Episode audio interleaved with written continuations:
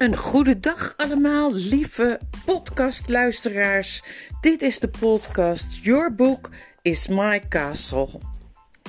Aflevering 81. Ja, ik moet even op mijn briefje kijken hoor. Aflevering 81. Hoofdstuk 3 van de Zilveren Stoel.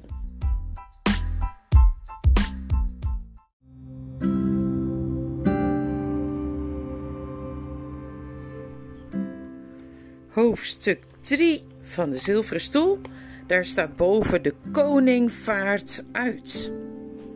Dat Schreutel er zo groezelig uitzag, en Jill trouwens ook, alleen kon ze dat zelf niet zien, viel op doordat er om hen heen zoveel pracht en praal was. Ik kan maar het beste meteen vertellen hoe het eruit zag. Door een kloof tussen de bergen die Jill ver in het binnenland had gezien, toen ze op het land afkwam zweven, stroomde het licht van de ondergaande zon over een glad gemaaid gazon. Aan de overkant van het gazon, de weervaantjes glinsterend in het zonlicht, verrees een kasteel met ontelbare torens en torentjes. Het mooiste kasteel dat Jill ooit gezien had. Aan deze kant van het grasveld was een wit marmeren aanlegsteiger, waaraan een schip lag aangemeerd. Een groot schip met verhoogde voor- en achtersteven, wijnrood geschilderd, met vergulde versieringen, een schitterende vlag boven in de mast en allerlei vaandels die van de dekken wapperden en langs de verschansingen een rij schilden die glansden als zilver. De loopplank lag uit en onderaan, klaar om aan boord te gaan, stond een oude, oude man. Hij droeg een wilderige scharlakenrode mantel die van voren open viel, zodat je van zijn zilveren maliënkolder eronder kon zien.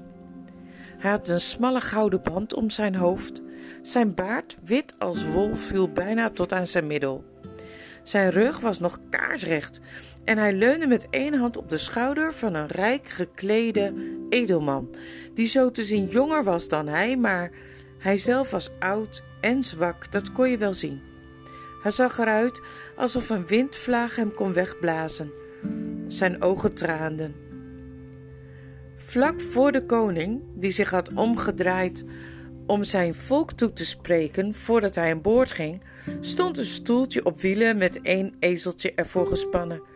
Het dier was niet veel groter dan een flinke hond.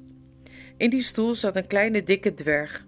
Hij was al even wilderig gekleed als de koning, maar omdat hij zo dik was en omdat hij in elkaar gezakt in de kussens zat, stond het hem heel anders dan de koning. Hij zag er meer uit dan een als een vormeloos hoopje bont, zijde en fluweel. Hij was vast net zo oud als de koning, maar nog wel krasser en gezonder en zijn ogen stonden levendig. Hij had niks op zijn hoofd, een heel groot kaal hoofd dat in het licht van de ondergaande zon glansde als een reusachtige biljartbal. Jill begreep dadelijk dat degenen die een eindje achter hem in een halve kring stonden, de hovelingen waren. Ze waren de moeite van het bekijken alleen al waard om hun kleding en hun wapenrustingen. Wat de kleren betreft hadden ze meer weg van een bloemperk dan een groep mensen. Maar waar Jill's ogen en haar mond pas echt wagenwijd van open gingen, waren de mensen zelf. Als je ze tenminste mensen noemen kon, want maar zo'n beetje één op de vijf was echt mens. De anderen waren van alles wat je in onze wereld nooit ziet faunen, saters, centauren. Daarvan wist Jill nog wel hoe ze heten, want die had ze wel eens op plaatjes gezien. Dwergen, en er waren ook een heleboel dieren die ze kende: beren, dassen, mollen, luipaarden, muizen en allerlei soorten vogels. Maar hier zagen ze er wel anders uit dan de dieren met dezelfde namen er bij ons uitzien. Sommige waren veel groter, de muizen bijvoorbeeld, die stonden op hun achterpoten en waren meer dan 60 centimeter hoog. Maar afgezien daarvan zagen ze er toch al heel anders uit. Aan de uitdrukking op hun gezicht kon je zien dat ze net zo goed konden praten en denken als jij en ik. Goeie grutte, dacht Jill.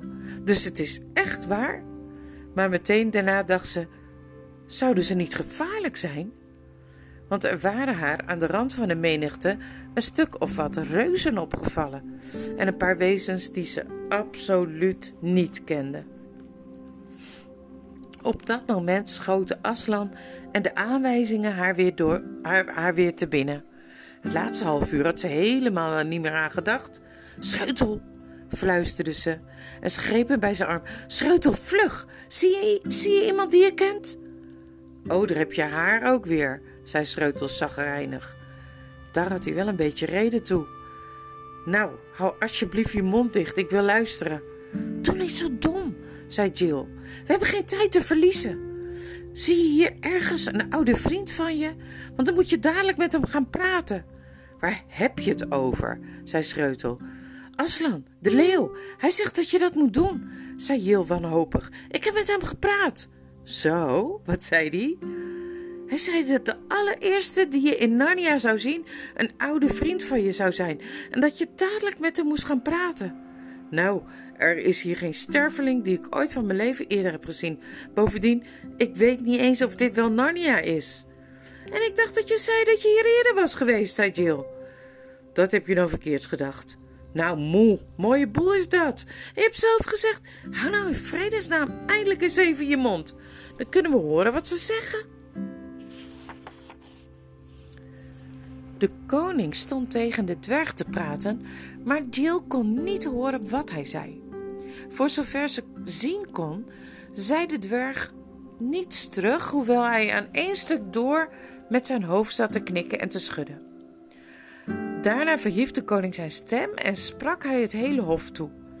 Maar zijn stem was zo oud en beverig dat ze maar heel weinig van zijn toespraak kon verstaan. Vooral omdat het bijna alleen maar ging over mensen en plaatsen waar zij nog nooit van had gehoord. Toen de toespraak afgelopen was, boog de koning zich voorover en kuste de dwerg op allebei zijn wangen, ging weer rechtop staan, hief zijn rechterhand op alsof hij de menigte zegende, riep toen langzaam en met wankele stappen de loopplank op en ging aan boord. De hovelingen waren zo te zien diep ontroerd door zijn vertrek. Zakdoeken werden tevoorschijn gehaald. Aan alle kanten kon je ze horen huilen. De loopplank werd ingehaald, trompetten schalden vanaf het achterdek en daar gleed het schip weg van de kade. Het werd gesleept door een roeiboot, maar dat kon Jill niet zien. Nou, zei Schreutel. Maar Ferry kwam hij niet, want op dat moment kwam er iets groots en wits. Jill dacht even dat het een vlieger was, door de lucht aanzeilen en streek aan zijn voeten neer. Het was een witte uil, maar zo'n grote dat hij als hij stond wel zo hoog was als een flinke dwerg.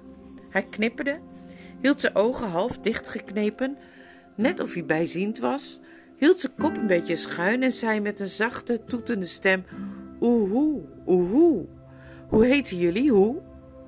Ik ben Schreutel, dit is Poel, zei Eustace.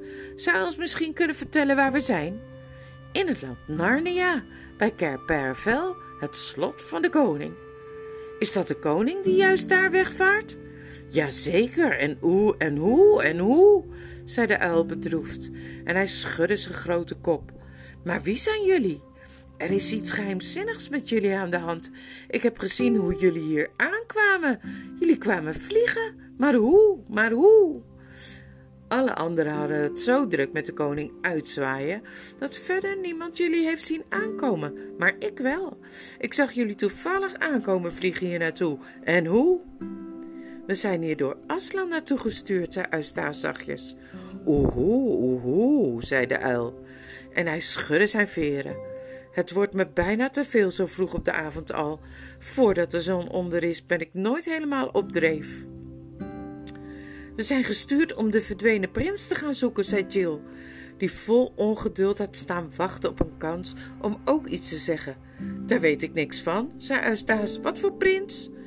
Jullie kunnen maar beter dadelijk meegaan naar zijn excellentie de regent en er met hem over praten, zei de uil. Dat is hij, daar, in dat ezelzwagentje. De dwerg Trompoen. De vogel draaide zich om en begon voor hen uit te lopen, terwijl hij in zichzelf moppelde: Poeh, poehoe, wat een gedoe. Ik kan niet helder denken. Het is nog veel te vroeg. Hoe heet de koning? vroeg Eustace.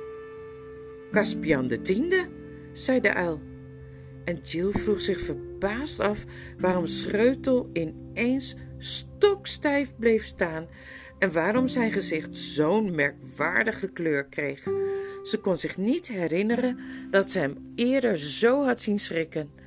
Maar voordat ze tijd had iets te vragen, waren ze al bij de dwerg die juist de teugels van zijn ezelwagentje bij elkaar pakte. Bij, ja, en op het punt stond terug te rijden naar het kasteel. De menigte had zich verspreid en ook de hovelingen liepen die kant uit, alleen of met z'n twee of kleine groepjes, alsof ze terugkwamen van een wedstrijd of een race. Oehoe, ahem, excellentie, heer regent, zei de uil. Hij boog een beetje naar voren en hield zijn snavel vlak voor het oor van de dwerg. Hè, wat? zei de dwerg. Hebt u even tijd voor deze bezoekers, excellentie? vroeg de uil. Spoorzoekers? Hoe bedoel je? zei de dwerg. Ik zie alleen twee buitengewoon smoezelige mensenwelpen. Wat willen die? Ik heet Jill, zei Jill. Ze deed een stap naar voren. Ze popelde om uit te leggen wat voor belangrijk ze kwamen doen. Dit meisje heet Jill. Hebt u het gehoord? zei de uil zo hard als hij kon. Wat de? zei de dwerg. Heeft dat meisje gegild? En wordt ze vermoord? Wat een onzin. Ze staat hier in levende lijven voor je. Welk meisje? Wie zou haar willen vermoorden? Dit meisje hier, excellentie, zei de uil. Ze heet Jill. Praat eens wat duidelijker, zei de dwerg. Sta daar niet in mijn oor te mompelen en te prevelen. Ze heeft dus gegild. Wie is er nou vermoord? Niemand is vermoord, toeterde de uil. Wie? Niemand. Ja, ja, ik hoor je wel. Je hoeft niet tegen me te schreeuwen. Zo doof ben ik nou ook weer niet. Waarom moet je me zo nodig komen vertellen dat er niemand is vermoord? Waarom zou er iemand vermoord moeten zijn? Zeg eens tegen hem dat ik Eustace ben, zei Schreutel. Deze jongen hier is Eustace, excellentie, toeterde de uil zo hard hij kon. Die jongen daast? zei de dwerg geërgerd. Het zal best. Is dat een reden om hem naar het hof te brengen, hm? Hij daast niet, zei, zei de uil. Hij heet Eustace. Zo, reuzenhaast. Wat staat hier dan te lanterfanten? Ik begrijp werkelijk niet waar je het over hebt. Zal ik jou eens vertellen, mijn waarde glimveer? In mijn tijd, toen ik nog een jonge dwerg was, had je in ons land nog sprekende dieren en vogels die echt konden praten. In die tijd had je nog niet al dat gemompel en gemummel en gefluister van tegenwoordig. Dat zou toen absoluut niet gemogen hebben, absoluut niet, meneer. Ernest, mijn toeten graag.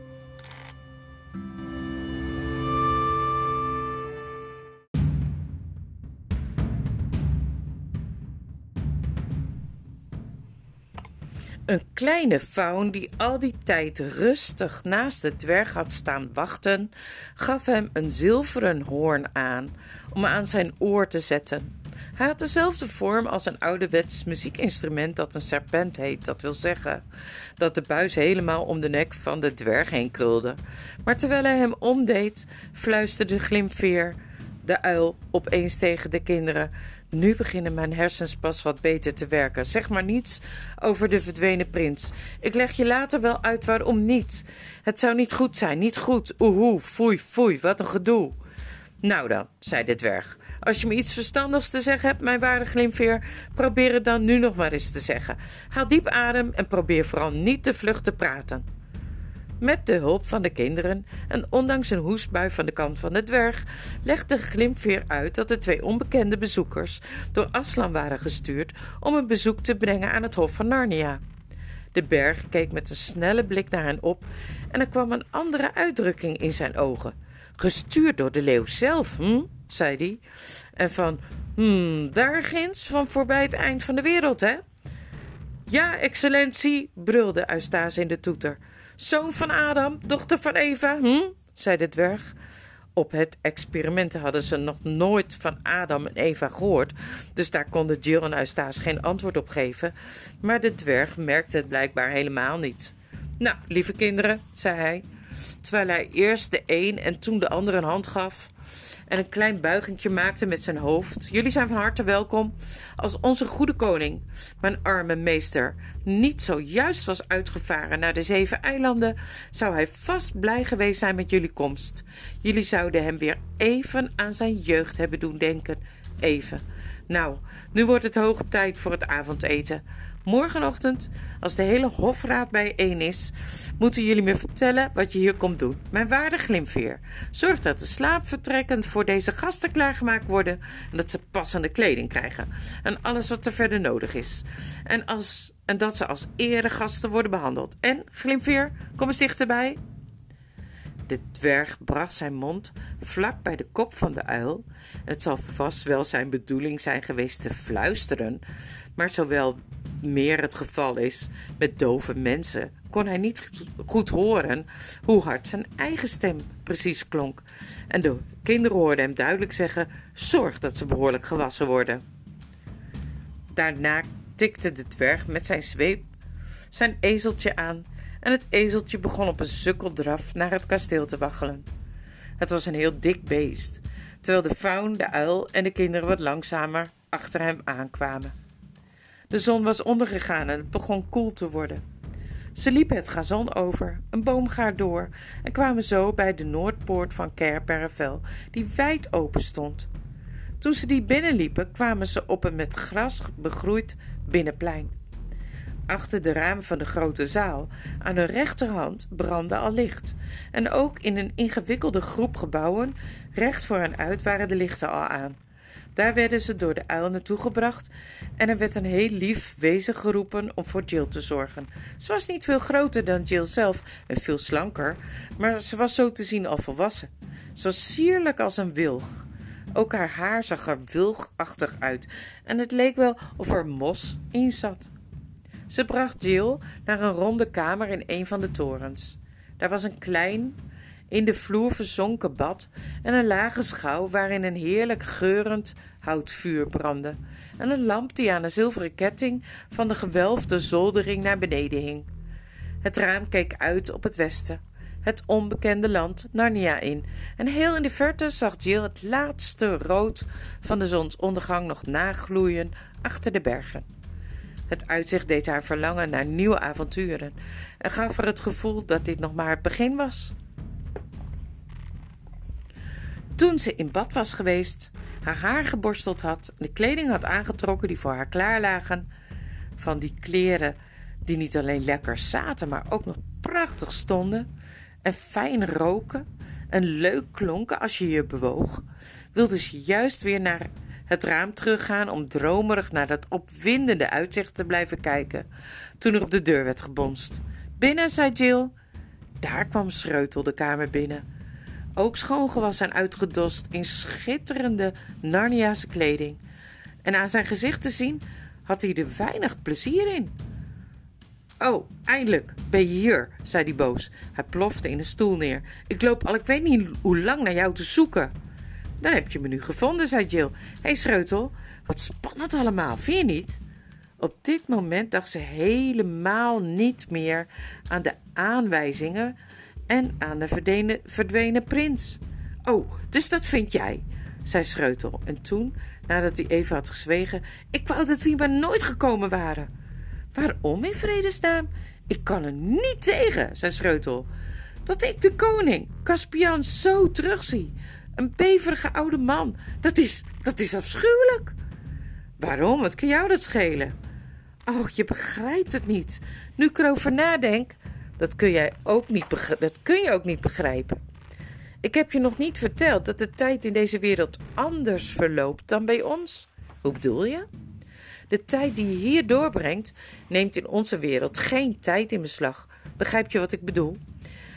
Hoe lang we hier ook zijn, we komen uiteindelijk toch weer op het experiment terug. Op precies hetzelfde moment dat we er zijn weggegaan. Dat zal geen lolletje zijn. Ach, Hou je mond van me nou toch niet steeds in de reden. En als je weer terug bent in Engeland, in onze wereld, weet je niet hoe de tijd hier verder gaat. In Narnia kunnen wel jaren voorbij zijn gegaan. Als we bij ons nog maar één jaar verder zijn. De preventies hebben me dat wel eens uitgelegd. Maar ik heb er met mijn domme hoofd nooit meer aan gedacht. En nu is het blijkbaar een jaar of zeventig, nou ja, jaren geleden, dat ik hier was. Begrijp je dat nou? De vorige keer. Nu ben ik hier weer terug en kom ik tot de ontdekking dat Caspian al een stokoude man is. Dan was die koning dus een oude vriend voor jou, zei Jill. Een verschrikkelijke gedachte kwam in haar op. Dat zou denken, zei Schreutel ongelukkig. Zo'n beetje de allerbeste vriend die je maar kunt hebben. En de laatste keer was hij maar net een paar jaar ouder dan ik. En als ik nu die oude man zie met die witte baard en bedenk hoe Caspian er toen uitzag, die ochtend dat we de verlaten eilanden veroverden of bij het gevecht met die zeeslang. Ik vind het afschuwelijk. Dit is nog erger dan als ik teruggekomen was en tot de ontdekking was gekomen dat hij dood was. Oh, houd toch eens je mond, zei Jill ongeduldig. Het is nog veel erger dan je denkt. We hebben de eerste aanwijzing al gemist. Daar kon Schreutel niks van begrijpen. En toen vertelde Jill hem over haar gesprek met Aslan. En over de vier aanwijzingen. En over de opdracht die ze hadden gekregen. Dat ze de verdwenen prins moesten opsporen. Dus zie je, eindigde ze. Je hebt toch een oude vriend gezien, precies zoals Aslan zei. En je had dadelijk naar hem toe moeten gaan om met hem te praten. Nu heb je het niet gedaan. Nu gaat alles al meteen vanaf het begin fout. Hoe moest ik dat nou weten? zei Schreutel. Als je naar me geluisterd had toen ik het je probeerde te vertellen, zou er nu niks aan de hand zijn, zei Jill. Ja, en als jij daar aan de rand van die afgrond niet zo idioot had gedaan en me niet bijna had vermoord. Ja, vermoord zeg ik je. En dat zeg ik rustig nog een keer, zo vaak als ik wil. Dus hou je gemak maar. Dan zouden we hier samen naartoe gekomen zijn. Dan hadden we allebei geweten wat we moesten doen. Het was toch echt wel de allereerste die je zag, zei Jill. Jij moet hier al uren zijn geweest toen ik kwam. Weet je zeker dat je niemand anders hebt gezien voordat je hem zag? Ik ben hier maar een paar tellen eerder gekomen dan jij, zei Schreutel. Hij moet jou sneller hierheen hebben geblazen dan ik, dan mij. Om de verknoeide tijd in te halen, zeker. De tijd die jij verknoeid hebt. Doe nou niet zo verschrikkelijk klierig, Schreutel, zei Jill. Hé, hey, wat was dat?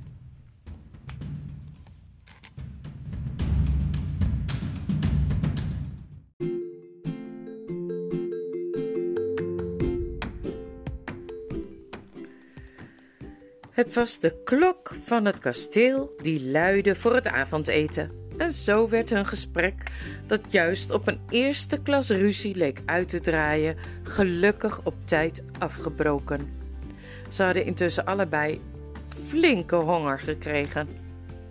Het eten in de grote zaal van het kasteel was de schitterendste gebeurtenis die ze allebei ooit hadden meegemaakt.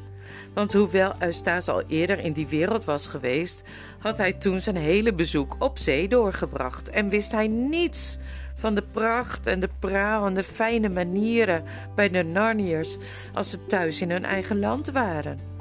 Van het plafond hingen de banieren naar beneden en iedere gang werd met pauken en herauten binnengebracht. Er waren soorten soep waarvan alleen al de gedachte eraan je zou laten watertanden. En heerlijke vis die ze daar pavendel noemen. En wild en pauwenvlees, pauwenvlees en pasteien en ijstaarten, gelatinepuddingen, mm, noten en fruit, mm, allerlei soorten wijn en vruchtensap. Zelfs Eustace vrolijkte ervan op en gaf toe dat het hartstikke goed was. En toen alle het serieuze eten en drinken achter de rug was, kwam er een blinde dichter naar voren en begon het prachtige oude verhaal voor te dragen van prins Koor en Avis en het paard Brie. Het verhaal dat het paard en de jongen heet en gaat over een avontuur dat zich in de Gouden Eeuw in Narnia en Calormen en het gebied ertussenin afspeelde, toen Peter als hoge koning op Cair Paravel regeerde. Ik heb nu geen tijd om dat te vertellen, maar het is beslist de moeite waard om het te horen. Toen ze zich tenslotte de trappen opsleepten om naar bed te gaan, de een gaapte al harder dan de ander, zei Jill: Ik wil wedden dat we vannacht heerlijk zullen slapen, want het was een hele drukke dag. Zo zie je maar weer dat je nooit van tevoren kunt weten wat er het volgende moment met je gaat gebeuren.